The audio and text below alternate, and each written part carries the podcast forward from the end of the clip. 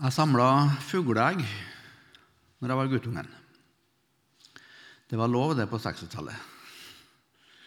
Og alle guttene i grenda der jeg vokste opp, eh, hadde ei eggsamling. Til slutt så var vi nok litt eh, lur, og så vi slo oss sammen og hadde ei eggsamling i stedet for at det var en liten kasse på et kvart gutterom. da. Så sparte vi naturen lite grann. Hun mor likte ikke at vi samla fugleegg. Hun var mer på Einar Skjæråsens linje. Du skal til røre reiret. Reiret er ei lita seng. Over spede bånd brer æla ut sin vare varme veng. Pipe i den minste strupe skal bli kvitring over eng.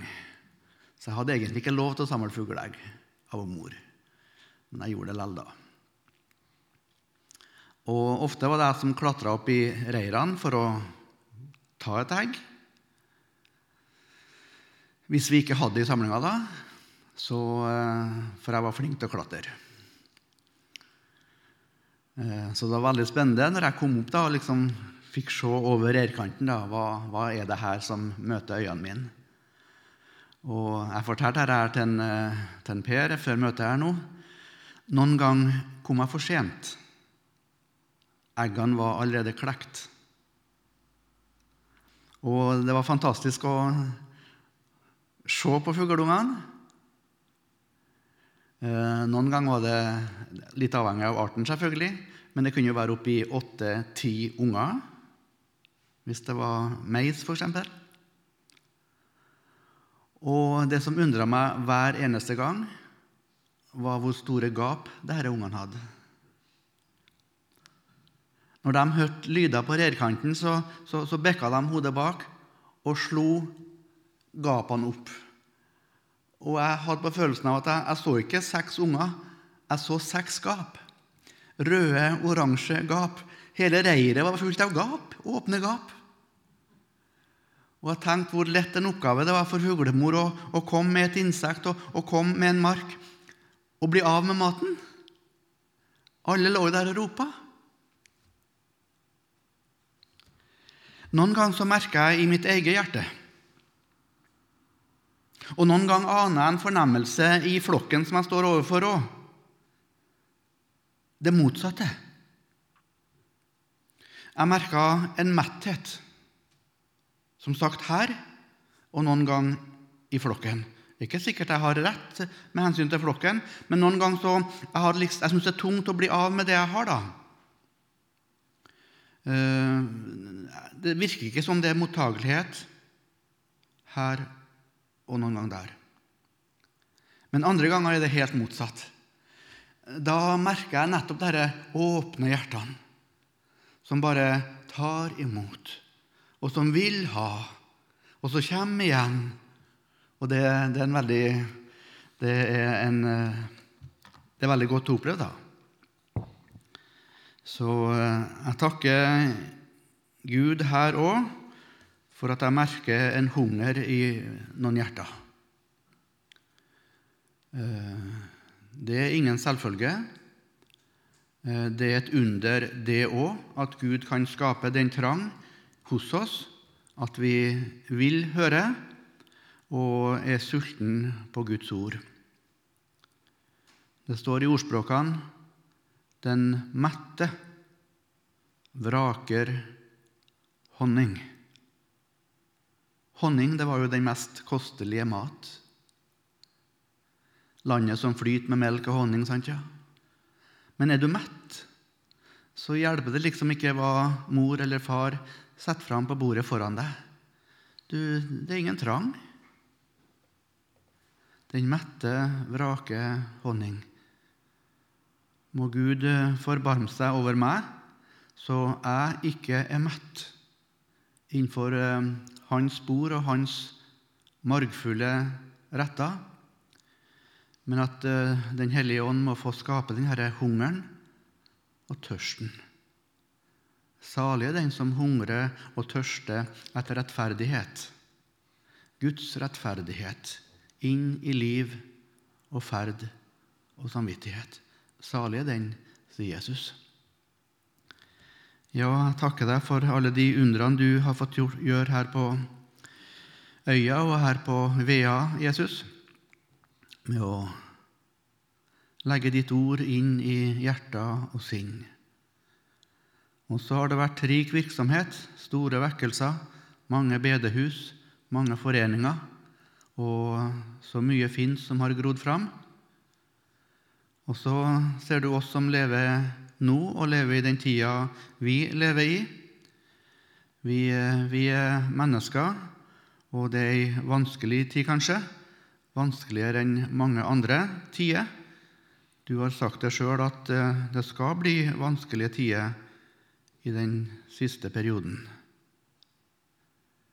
Forbarm deg over oss, og stell sånn med våre hjerter at de må være vidåpne innenfor ditt ord. Vi ber om det for denne timen nå. Stell med meg, så jeg, jeg har den rette hunger, Jesus. Stell med oss alle sammen. Amen.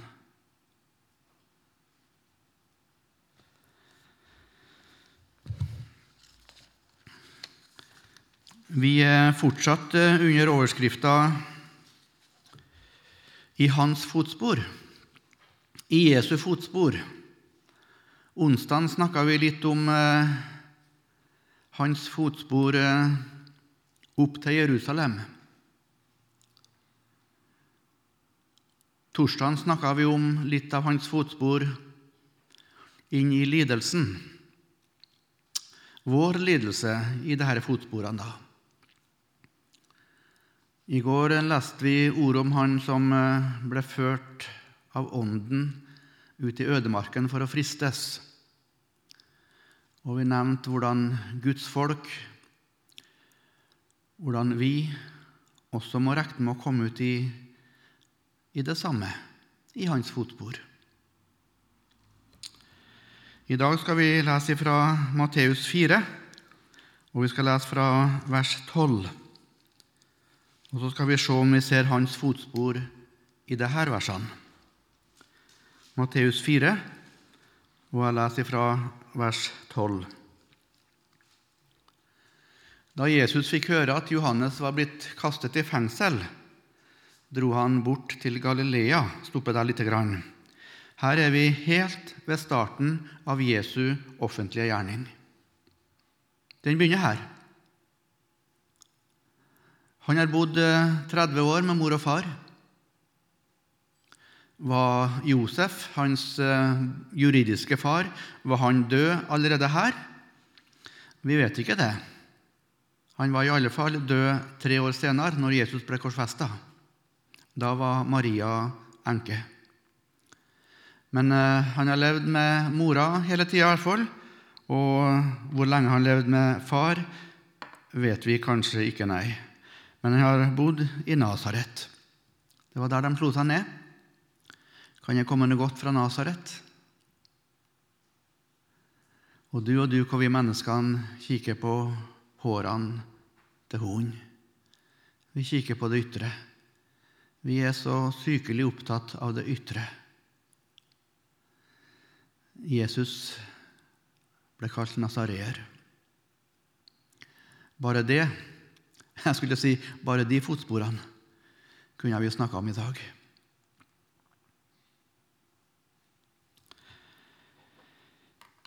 Men han eh, starter sin offentlige gjerning her. Og han dro til Galilea, står det. Og så tar vi neste vers. Han forlot Nasaret. Med buss? På esel? Nei, ganske sikkert på sine to bein. Ser du fotsporene? Bort ifra sin heim bort ifra oppvekstens trygge landsby. Bort fra alt som var kjent og kjært. Og så står det og bosatte seg i Kapernaum, som ligger ved Galileasjøen, i Sebulons og Naftalis landområder. Og videre For at For at han hadde en hensikt, altså. Småordene i Bibelen er veldig, veldig viktige. Han forlot barndomsheimen, og han bosatte seg på en helt annen plass, i en helt annen landsby, for at Med en klar hensikt. Hvilken hensikt? For at det skulle bli oppfylt, som er talt til profeten Jesaja. Hva er talt der? Sebulons land og Naftalis land, ved veien mot sjøen, landet på andre siden av Jordan, hedningenes, hedningenes Galilea. Det folk som satt i mørket, har sett et stort lys. Og for dem som satt i dødens land og skygge, for dem er et lys opprunnet. Det var vers 16. Og Når det gjelder Jesu tjeneste, så ser vi ikke bare det her fotsporene. Kanskje skulle vi i dag heller snakka om de 30 årene i Nasaret. Der gikk Jesu fotspor år etter år.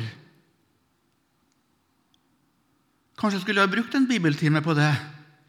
De nære ting. Heimen din, nærmiljøet ditt, naboen din.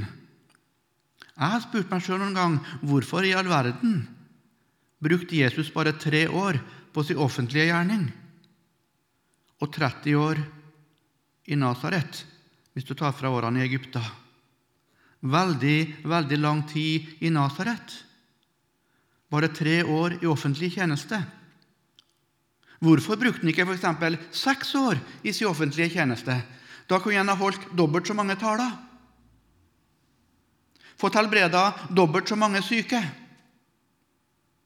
Fått metta folk og gjort sine under dobbelt så mange ganger. Hvorfor var han eh, så sen med å komme seg ut? Hvorfor så mange fotspor i Nasaret.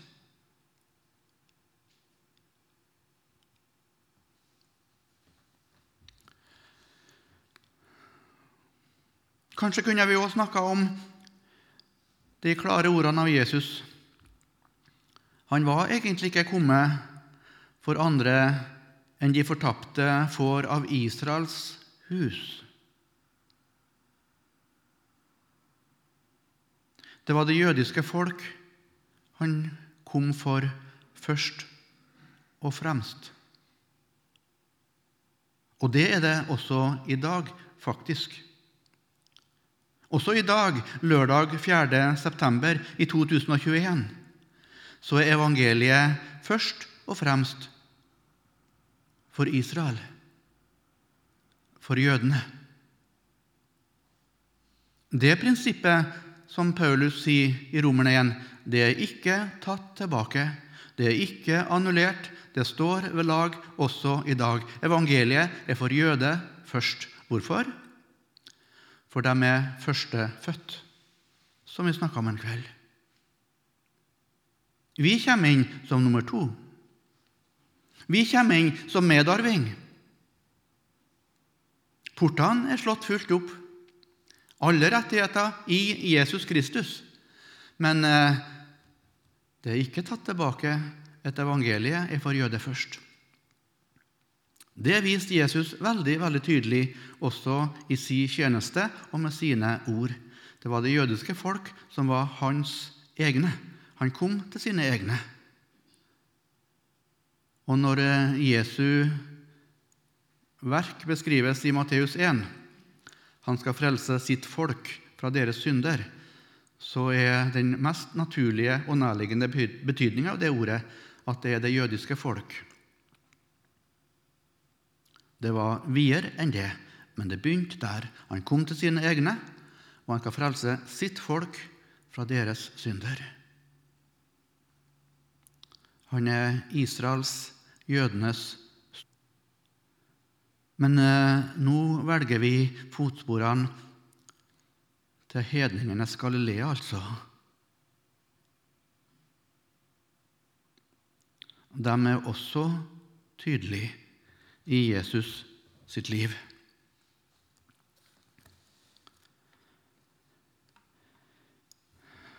Og de er tydelige også i apostlene sine liv.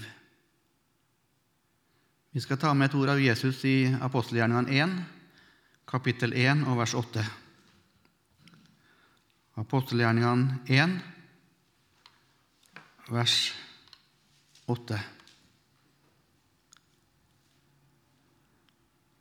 Men dere skal få kraft idet Den hellige ånd kommer over dere. Og dere skal være mine vitner. Der har du det ordet igjen, som vi snakka om på onsdagen. Dere skal være mine vitner. Hvor da?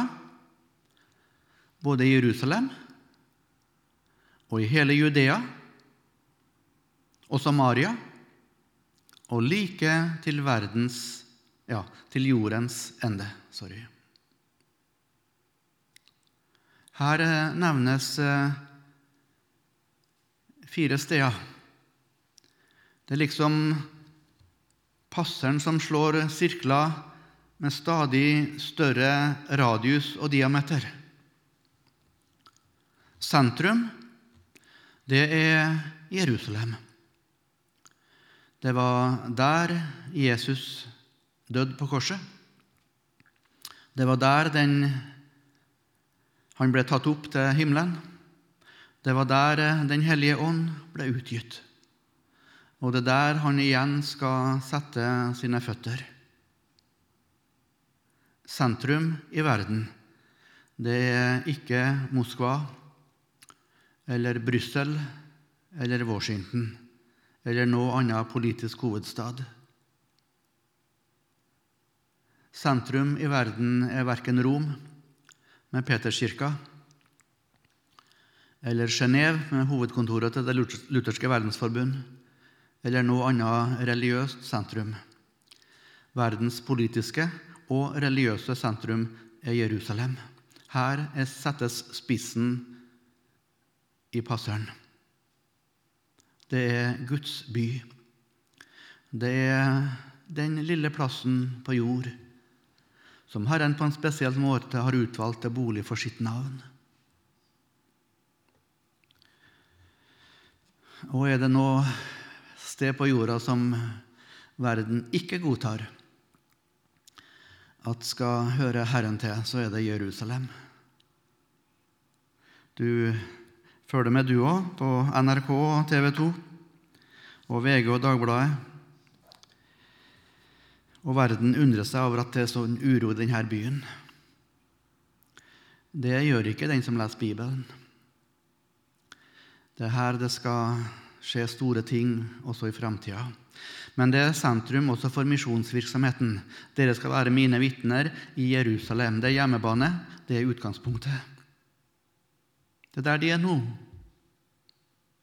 Men de skal ikke forbli der hele tida. De skal også være mine vitner i Judea. Det er landområdene omkring Jerusalem. Og så skal de være mine vitner i hele Samaria og like til jordens ender. Ser du etappe for etappe? Det er Jesu fotspor, han som forlot Nasaret og bosatte seg i hedningenes Galilea for at de skulle få se et stort lys som satt i mørket, som ikke hadde noe håp. Ja, hvor rask var apostlene til å forlate Jerusalem og gå til Judea? Når eh, kryssa de den første liksom, passergrensa som eh, Jesus har trukket opp? vil jeg si apostelgjerningene 8, de fire første versene. Apostelgjerningene 8, 1-4. Apostelgjerningene 7, det er kapittelet om Stefanus. Han ble henretta. Han ble henretta av jødene. Hadde ikke lov til det, jødene. Han ble steina. Det var jødene sin offisielle metode å drepe dødsdømte forbrytere på det. Stefanus ble ikke korsfesta. Det var ikke lovlig ved jussen og romerne. Men det var jødene som tok saken og steinene i egne hender og henretta vitnet Stefanus. Og Det ble utgangspunktet for en stor forfølgelse, som vi leser om i de første, første versene i kapittel 8. Og Saulus samtykte i mordet på ham, altså Stefanus. Samme dag brøt det løs en stor forfølgelse mot menigheten i Jerusalem. Menigheten var knytta til Jerusalem. De hadde ikke kommet videre ennå. Og alle, og så må du merke deg ordene, unntatt apostlene, ble spredt utover bygdene i Judea og Samaria. Ikke apostlene, altså, men den vanlige kristne mann og kvinne. De ble spredt. Og i vers 2 men noen gudfryktige menn begravde Stefanus og holdt en stor vedklage over ham. Men Saulus herjet menigheten. Han trengte inn i hus etter hus og slepte ut både menn og kvinner og fikk dem kastet i fengsel, altså i Jerusalem. Og så kommer vers 4. De som nå var blitt spredt, altså den leke kristne mann og kvinne, ikke apostlene, dro omkring og forkynte evangeliets ord. Ser du? Er ikke rart? Jesus hadde sagt at de skulle gå til Judea og Samaria. De gikk ikke. Det var en forfølgelse som drev dem ut mot deres vilje.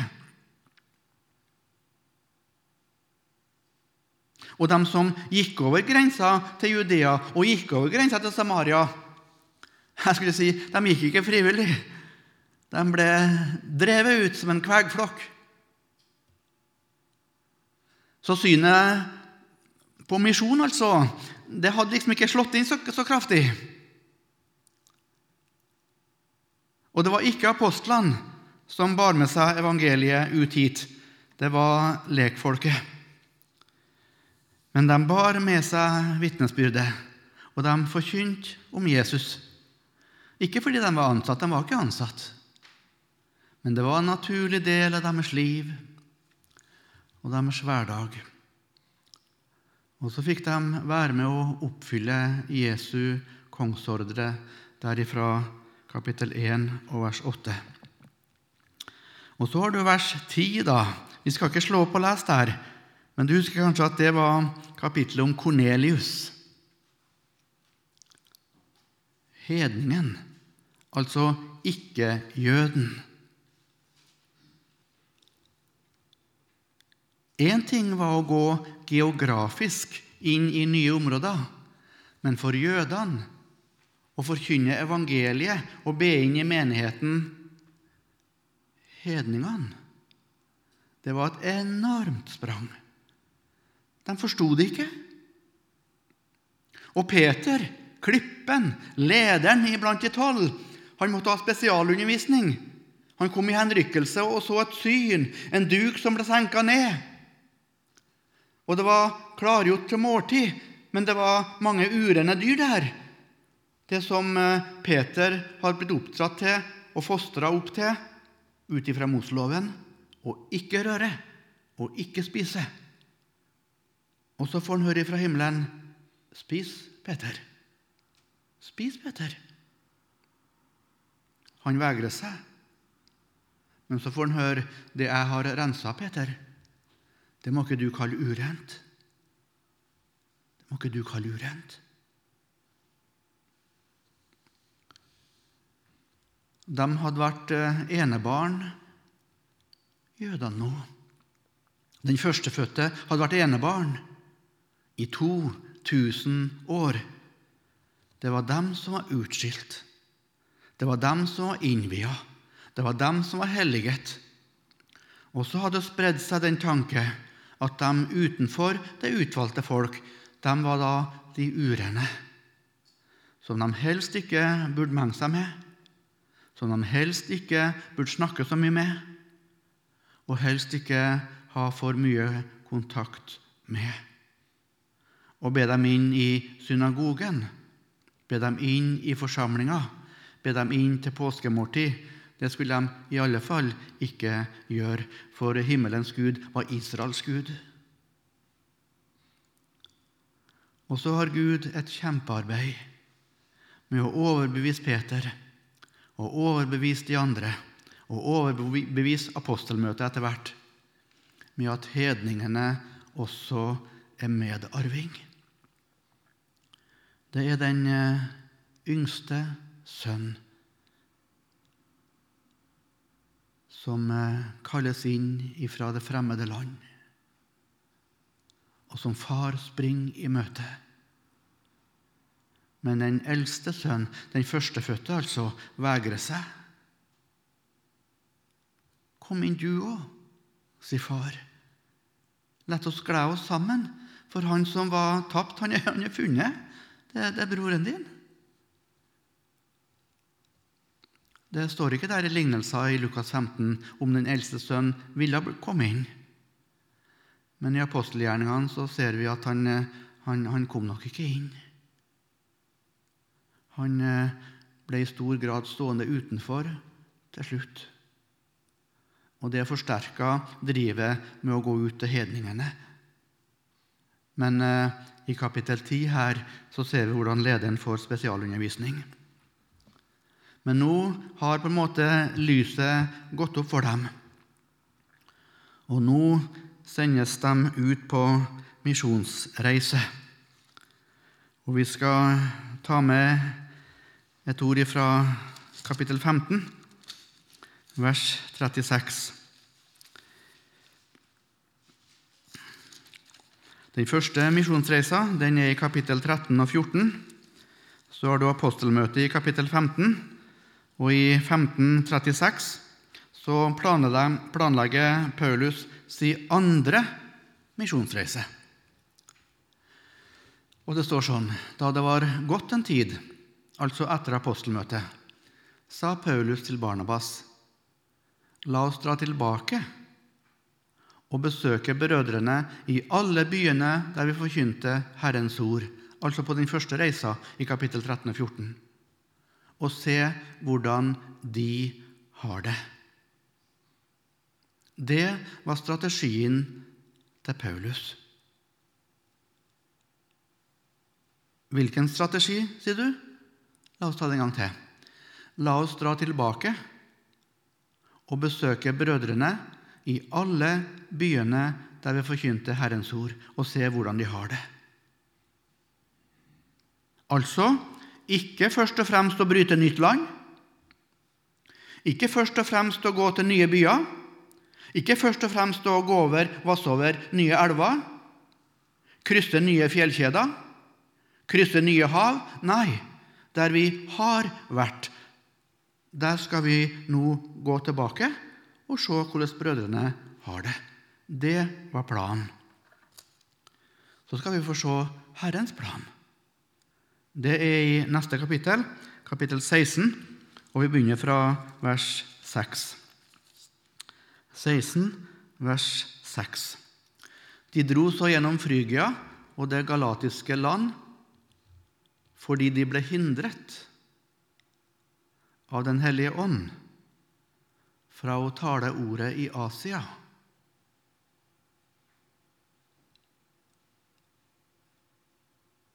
Da de var kommet i nærheten av Mysia, prøvde de å dra ned til Bitynia, men Jesu ånd ga dem ikke lov. Her slår himmelen, her slår Herren ned bommen to ganger.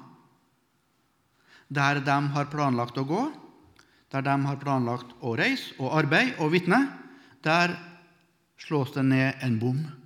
Ikke av Satan, ikke av vonde mennesker, ikke av verden, men av himmelens Gud. Nei, de får ikke lov til å gå her. Både i vers 6 og 7 så ser vi det veldig, veldig tydelig.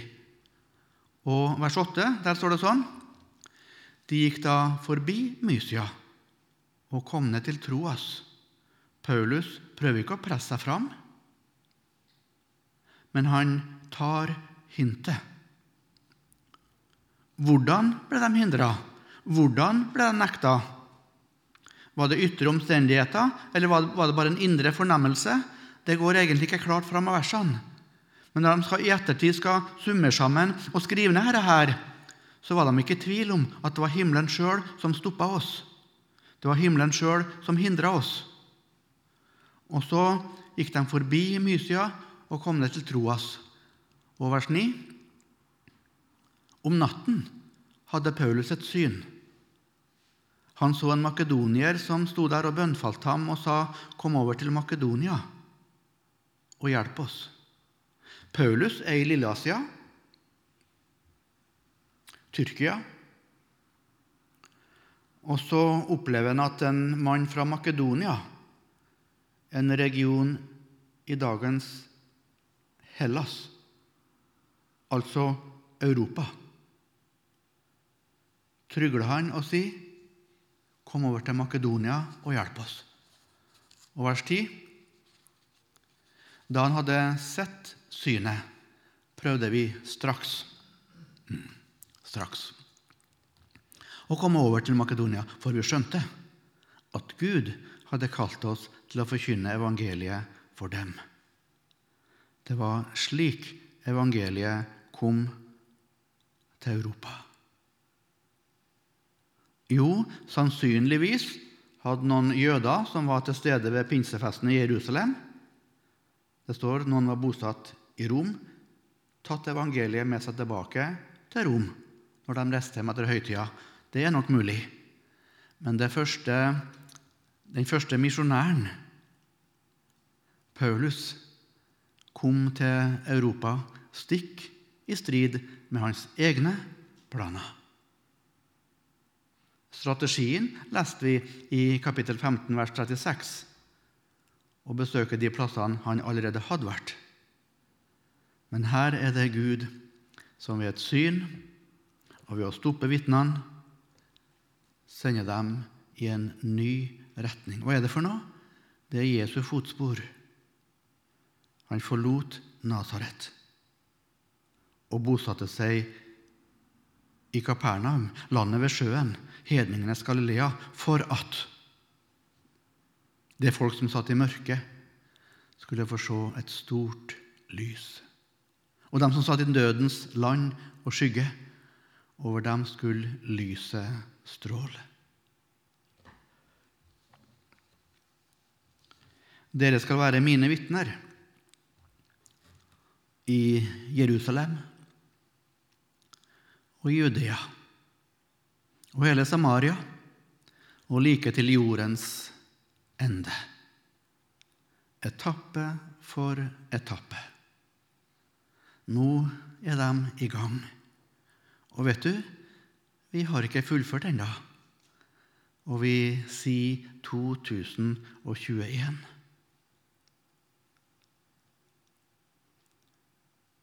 Leser du historia, kirkehistoria, for det første århundret, så ser du en voldsom dynamikk i arbeidet. En voldsom glød en voldsom iver, en voldsom vekkelse. Det spredde seg i alle retninger. Det gikk så fort. Den etiopiske hoffmann, etter møtet med Philip og møtet med Jesaja 53, han tok med seg evangeliet langt ned i Afrika. Det var menigheter i alle kystbyene på nordsida av Middelhavet nei, på sørsida av Middelhavet der. Afrikakysten. Thomas reiste til India.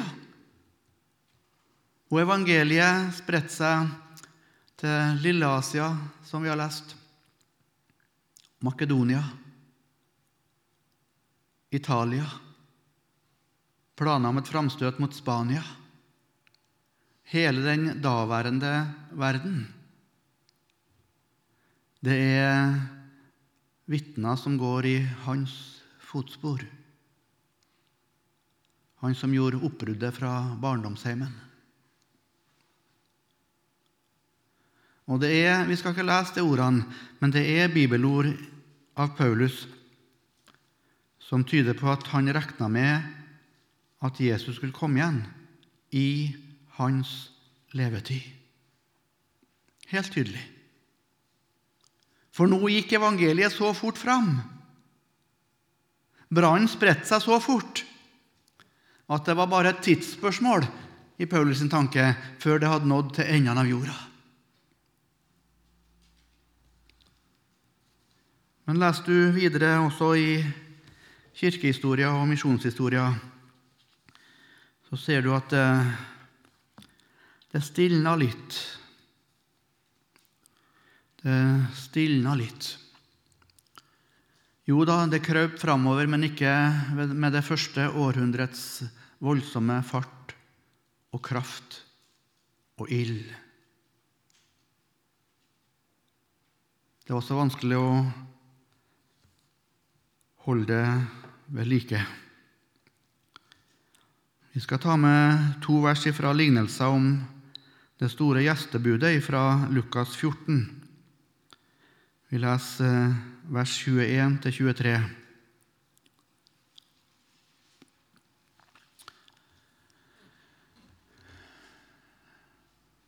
Da tjeneren kom tilbake, han som var sendt for å innby, altså,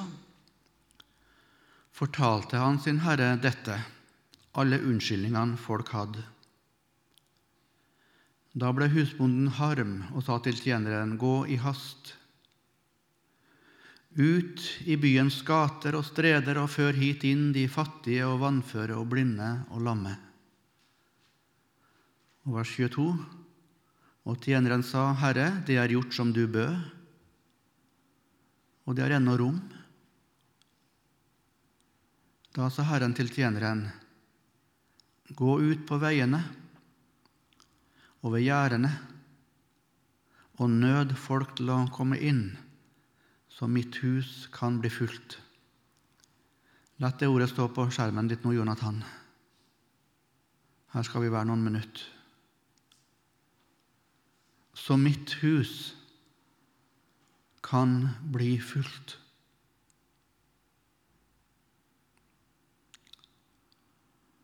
Har du vært toastmaster i et bryllup noen gang? Har du vært det, Jostein? Nei?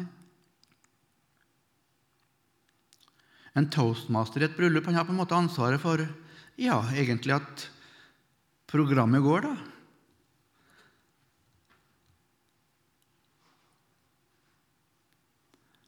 Hvis jeg har, skulle ha leda et bryllup, en bryllupsfest, og det var dekt på med hvitduk og sølv og, og krystall til 100 gjester Det var 100 som var innbudt, og festen skulle starte klokka ett.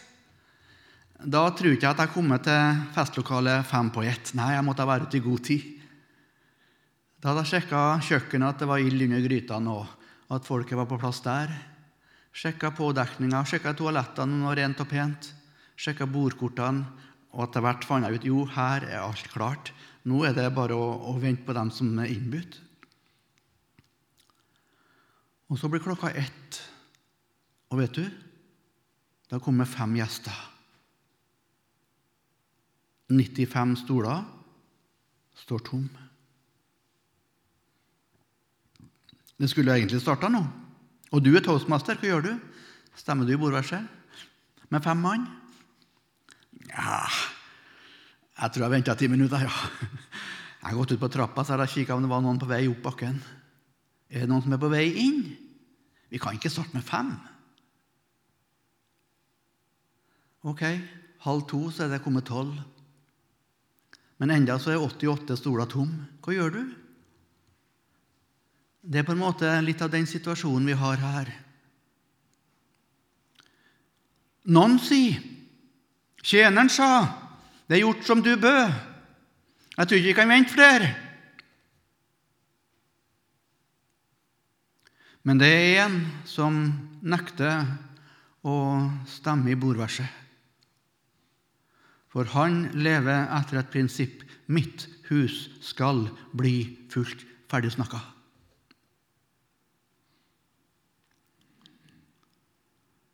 Det er Guds hjerte. Jeg vet ikke om de her på Vea setter opp konkrete mål for neste arbeidsår. Eksempel når det gjelder å nå ut til nye, så er vårt mål at uh, tre mennesker skal bli frelst ved vår virksomhet i neste arbeidsår. Ikke at det kommer tre fra andre menigheter og blir med hos oss. Nei, det er jo egentlig ikke kirkevekst. Men at tre som ikke bekjenner trua 1. januar, nettopp skal bekjenne kristen tru og tro på Jesus som frelser 31. desember.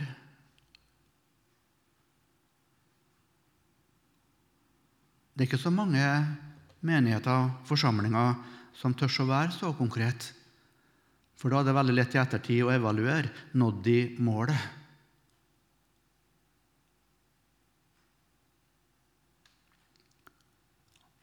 Jesus Kristus han er veldig konkret i sin målsetting for neste arbeidsår og de neste arbeidsårene. Han har sagt det veldig, veldig tydelig i sin bok. Han som vil at alle mennesker skal bli frelst og komme og lære sannheten å kjenne. Ja, sier du, men det, det er jo et helt urealistisk mål. Ja, stemmer det. Det er helt urealistisk. Guds kjærlighet er urealistisk. Men han kan ikke legge lista en annen plass. Han må legge lista der. Han er ikke fornøyd om 99 av 100 kommer. Er det en som mangler, så er han villig til å legge mye til sides. Han er villig til å ta store sjanser, og han er villig til å ta mange ekstrarunder for om mulig å berge også den siste. Og når det gjelder bryllupsfesten, så gir han seg ikke før hans hus er fullt.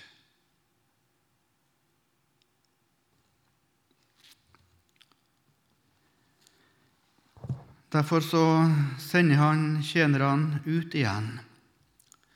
Da sa Herren til tjeneren, leste vi her i verset, gå ut på veiene og ved gjerdene.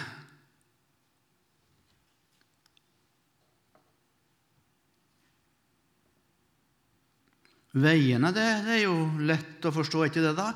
Det er jo der folket ferdes. Det er jo der, der folket er. Du kan finne mennesker oppi ura òg, og hvor som helst, egentlig. Men det er jo langs veien de fleste er, da.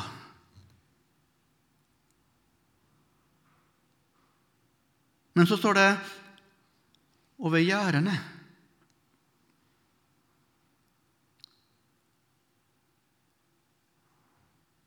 Hva er et gjerde? Et gjerde er ei grense mellom to eiendommer.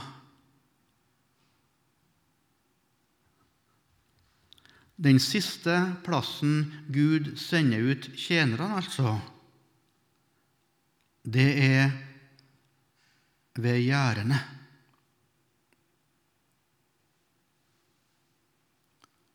Når budskapet har gått i alle grenseland, ved alle gjerder, da er innhøstninga ferdig. Det tegnes verdenskart i dag. Og de områdene som ennå ikke er nådd, de områdene der evangeliet ikke har kommet inn ut fra det vi vet da. Vi vet kanskje ikke alt om første, andre og tredje århundre, hvor evangeliet gikk hen. Men så langt vi ser i dag, de områdene er hvite på de misjonskartene da. De områdene som er hvite, de blir mindre og mindre og mindre for hvert år. Det er en veldig oppmerksomhet nå mot de unådde og de hvite flekkene. Og det er ofte nettopp grenseområder inn til de vanskeligste, de mest utilgjengelige, der det er tøft å gå inn, enten av klimatiske, politiske eller religiøse forhold. Og verdens misjonsforskere sier det at eh, de områdene er så tøffe at det er tvilsomt at Gud kan bruke Vestens kristne ungdommer til å gå inn dit. De er for glad i sin luksus. De er, har levd for myke liv. Og de er for glad i alt det sofistikerte. Og de skal ha med seg for mye i sin bagasje. De er for tung og for lite mobil og for lite herda til å greie påkjenningene til innhøstingsarbeid ved gjerdene.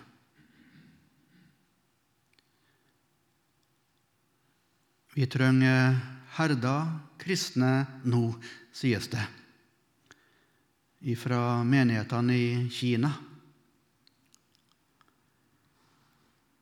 Menighetene i Midtøsten.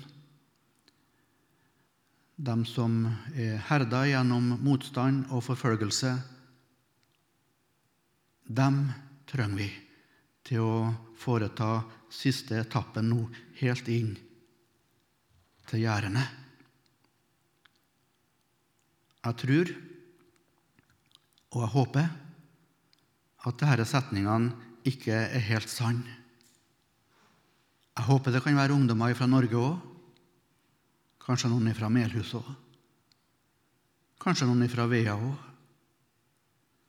Som Gud kan utruste og være med i denne siste etappen før Herren setter sluttstrek. ved gjerdene.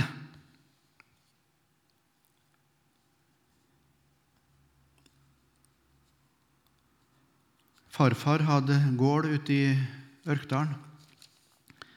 Du, Trond, vet godt hvor det er. Gården lå på Svorkmo. Og så hadde han ei seter fem kilometer innover i skogen der, ved et vann. Der var det rundt seterbygningene ca. 40 mål dyrka mark.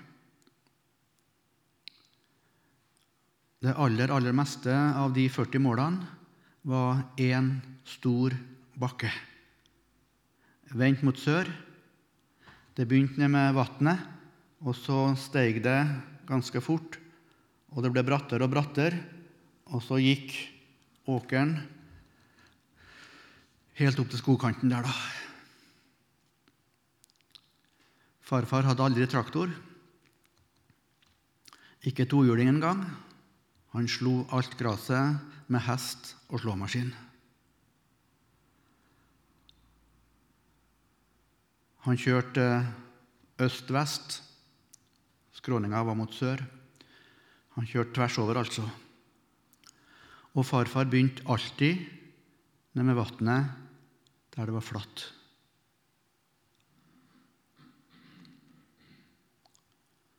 I Tanzania har det vært drevet evangelisk misjonsarbeid i nær innpå 180 år. De første misjonærene begynte alltid der eh, klimaet var godt, der kommunikasjonene var gode, og der varetilgangen var grei. Og så ble det noen områder igjen, da. Noen eh, bortgjemte daler. Noen eh, geografiske lommer. Isolerte plasser. Eh, sånn har det ofte vært på alle misjonsfelt. Farfar han slo oppover, altså, og det ble brattere og brattere. Han farfar var dyktig til å kjøre hest og slåmaskin. Og det ble etter hvert så bratt at det var fare for at uh, slåmaskina skulle bekke. Han farfar han hang på innsida, oppsida altså. Han hang og fotene festa i, i setet, og så hang han med ryggen helt ned i bakken faktisk, og holdt igjen da motvekt da, mot at han skulle bekke. Farmor uh, torde ikke se på, hun gikk inn. Men vi guttene syntes det var tøft da. Farfar var flink. Men farfar kom òg til det punktet der han måtte spenne fra merda og sette opp på stallen. Og så tok han fram ljåen, han farfar. Og så var det noen som dro slipstein. Og så gikk han ut og slo for håndmakt. Han hadde nok vært svett når han satt på slåmaskina òg. Men eh, når han holdt på en stund med ljåen, da var skjorta blaut helt ned til bukselinningen. Det tok sin tid, men det ble fantastisk vakkert etter en farfar har slått med ljå. Det sto ikke igjen noen striper. Det var som en plenklipper jeg for overalt. Det var så jevnt, og det var kutta så langt ned. Hvor slo han farfar? Han slo rundt bygningene. Og det siste grasstråene han var nesten ut med tollkniven og fikk med dem. Alt mot ned. Og så slo han veigrøften. Hele grøfta så jevnt og fint. Så slo han langs bekken som rant over der. Og så slo han langs knausene som stakk opp i dagen. Og så slo han langs gjerdene. Han slo gjerdet mot øst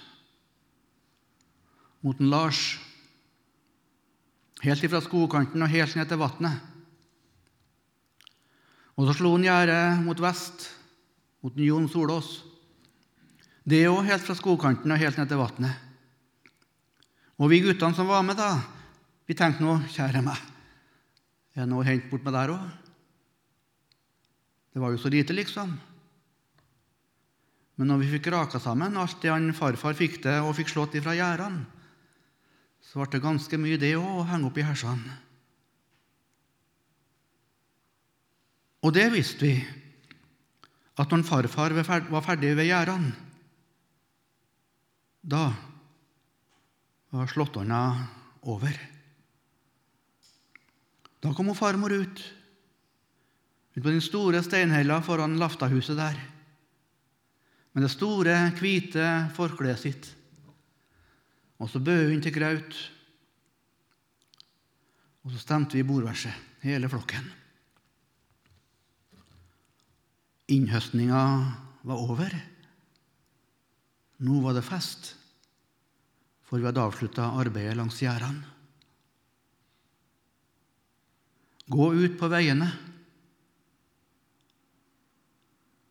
og ved gjerdene og nød folk til å komme inn så mitt hus kan bli fullt. Hva er det for noe? Det er vandringa i Jesu fotspor, han som forlot det trygge og ga seg på vei nordover, til dem som satt i mørket. De fotsporene skal du gå inn i i dag. Det er ikke sikkert det legger seg til rette så du kan gå fysisk med dine to bein men kanskje dine barn kan gå. Du må ha noen som kan gå i ditt sted, som kan være din munn og dine hender. Så de som menighet, så vi som verdensvid menighet, kan eh, gå i hans fotspor.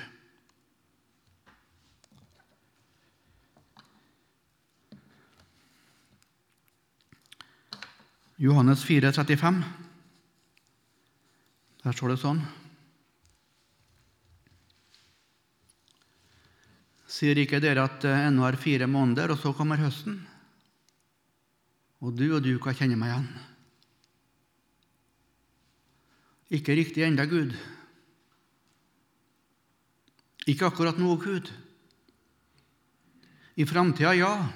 Se ikke bort fra det. I framtida, ja. Men eh, det var litt mye akkurat nå. Sier ikke dere at det ennå er fire måneder, og så kommer høsten? Se, jeg sier dere, løft deres øyne og se markene. Og du og du, for noen ord! Kristian, løft øynene dine og se! Hva er det motsatte av å løfte øynene sine? Jo, det er å se ned. Hva ser du hvis du ser ned? Jo, da ser du enten to sko eller ti tær.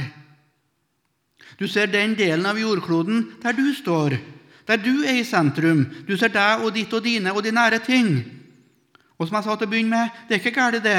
Jesus bodde hjemme til han var 30 år. Du har et ansvar der. Her skal det ene gjøres, og det andre ikke lates ugjort. Du skal ikke glemme de nære ting. Men Jesus til meg i dag, og Jesus til deg i dag nå må du løfte øynene dine, og så må du se langt òg. Og så skal jeg ved min ånd vise deg det at åkrene er alt hvite til høst. Hva betyr det at åkeren er hvit? Det betyr at det er ferdig nå.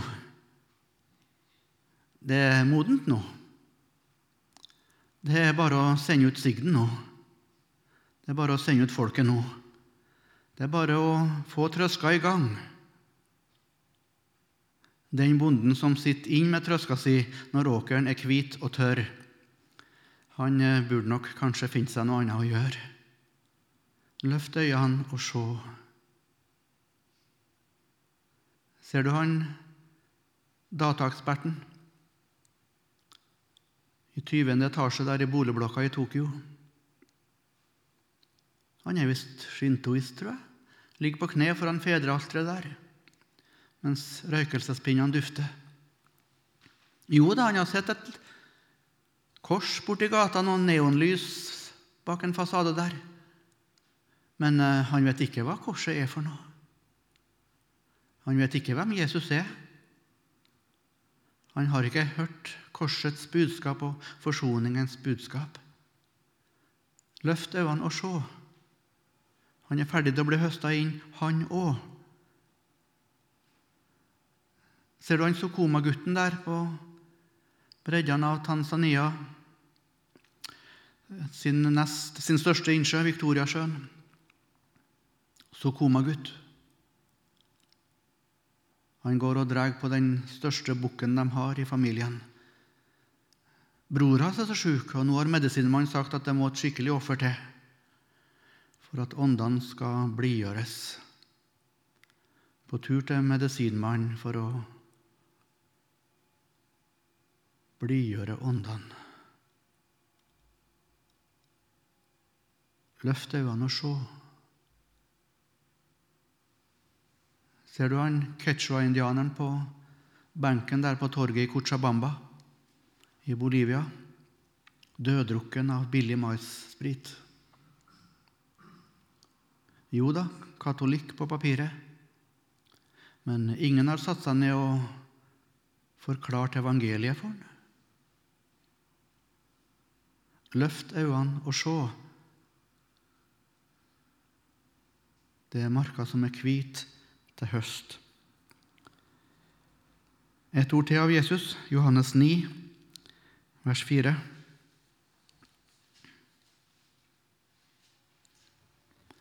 Jeg må gjøre Hans gjerninger som har sendt meg, så lenge det er dag. Natten kommer da ingen kan arbeide. Det kommer en kveld, det kommer en natt, men nå har du dagen, og bruk han vel, for før du tror, kan det verta kveld. Jeg må gjøre Hans gjerning. Og så går Jesus også i dag fra Nasaret til Kapernaum, og du kalles inn i hans følge.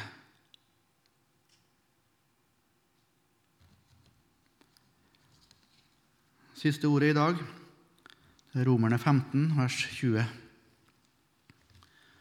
Romerne 15, vers 20.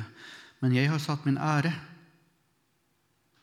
i å forkynne evangeliet der hvor Kristi navn ikke før var nevnt.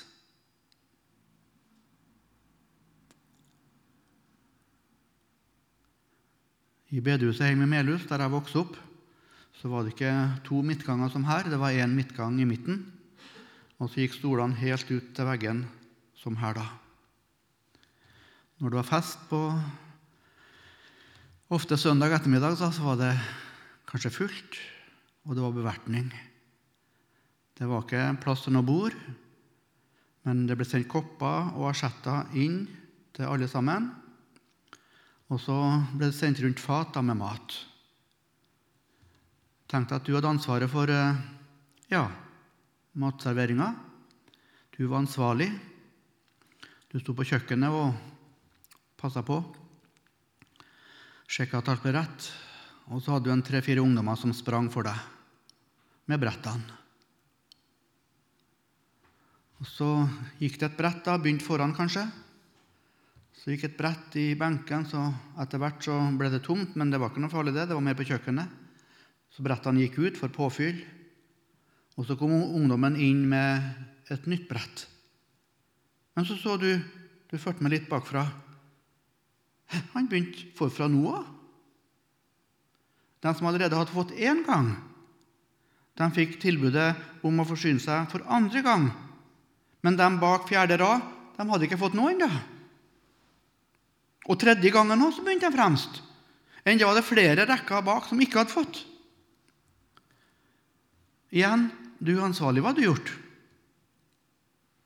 Hvis jeg hadde vært ansvarlig, så tror jeg på en måte jeg satt min ære i det.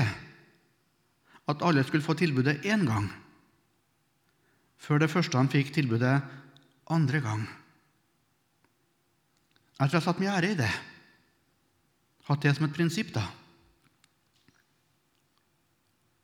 Og nå skal jeg si noe som rammer meg like mye som det rammer deg. Vi har egentlig ikke rett til å høre evangeliet to ganger. Før alle har fått høre evangeliet én gang.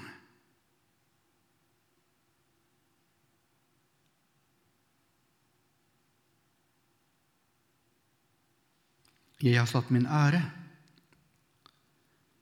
i å forkynne evangeliet der hvor Kristi navn ikke før var nevnt.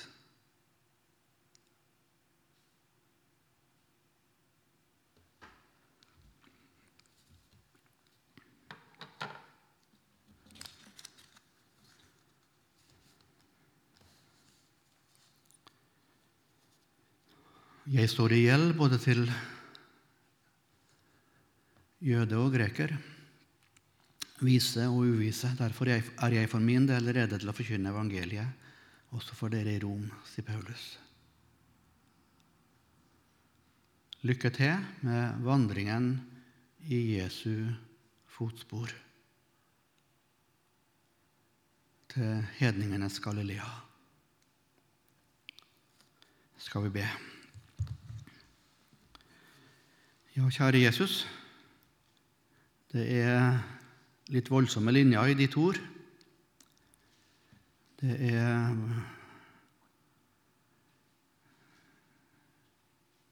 Jeg vet ikke hvilke ord jeg skal bruke, Jesus. Utfordrende og krevende. Det, det høres så menneskelig ut og så rart ut, egentlig. Men eh, vi får se inn i ditt hjerte. Vi får se inn i din nød. Vi får se inn i din smerte om at evangeliet, budskapet om det du har gjort, det du er, det må ut til alle. Vi får se din nød om at huset må bli fullt. Din nød om at vi må løfte øynene. Og så ber vi om at ditt sinnelag må få leve i oss, Jesus. Gi meg ditt ømme frelseskinn for slektens sorg og harm. Lukk meg i dine smerter inn og gjør meg sterk og varm. Hjelp meg å skue med ditt blikk hvert folk som liv og grenser fikk, og bære verdens nød og skam med kjærlighetens offerbrann til døden. Tro, tålmodig, sterk og fro. Gjør det under i oss, du Jesus, at ditt sinnelag må få leve. Til ære for deg og til gagn for noen og for oss. Amen.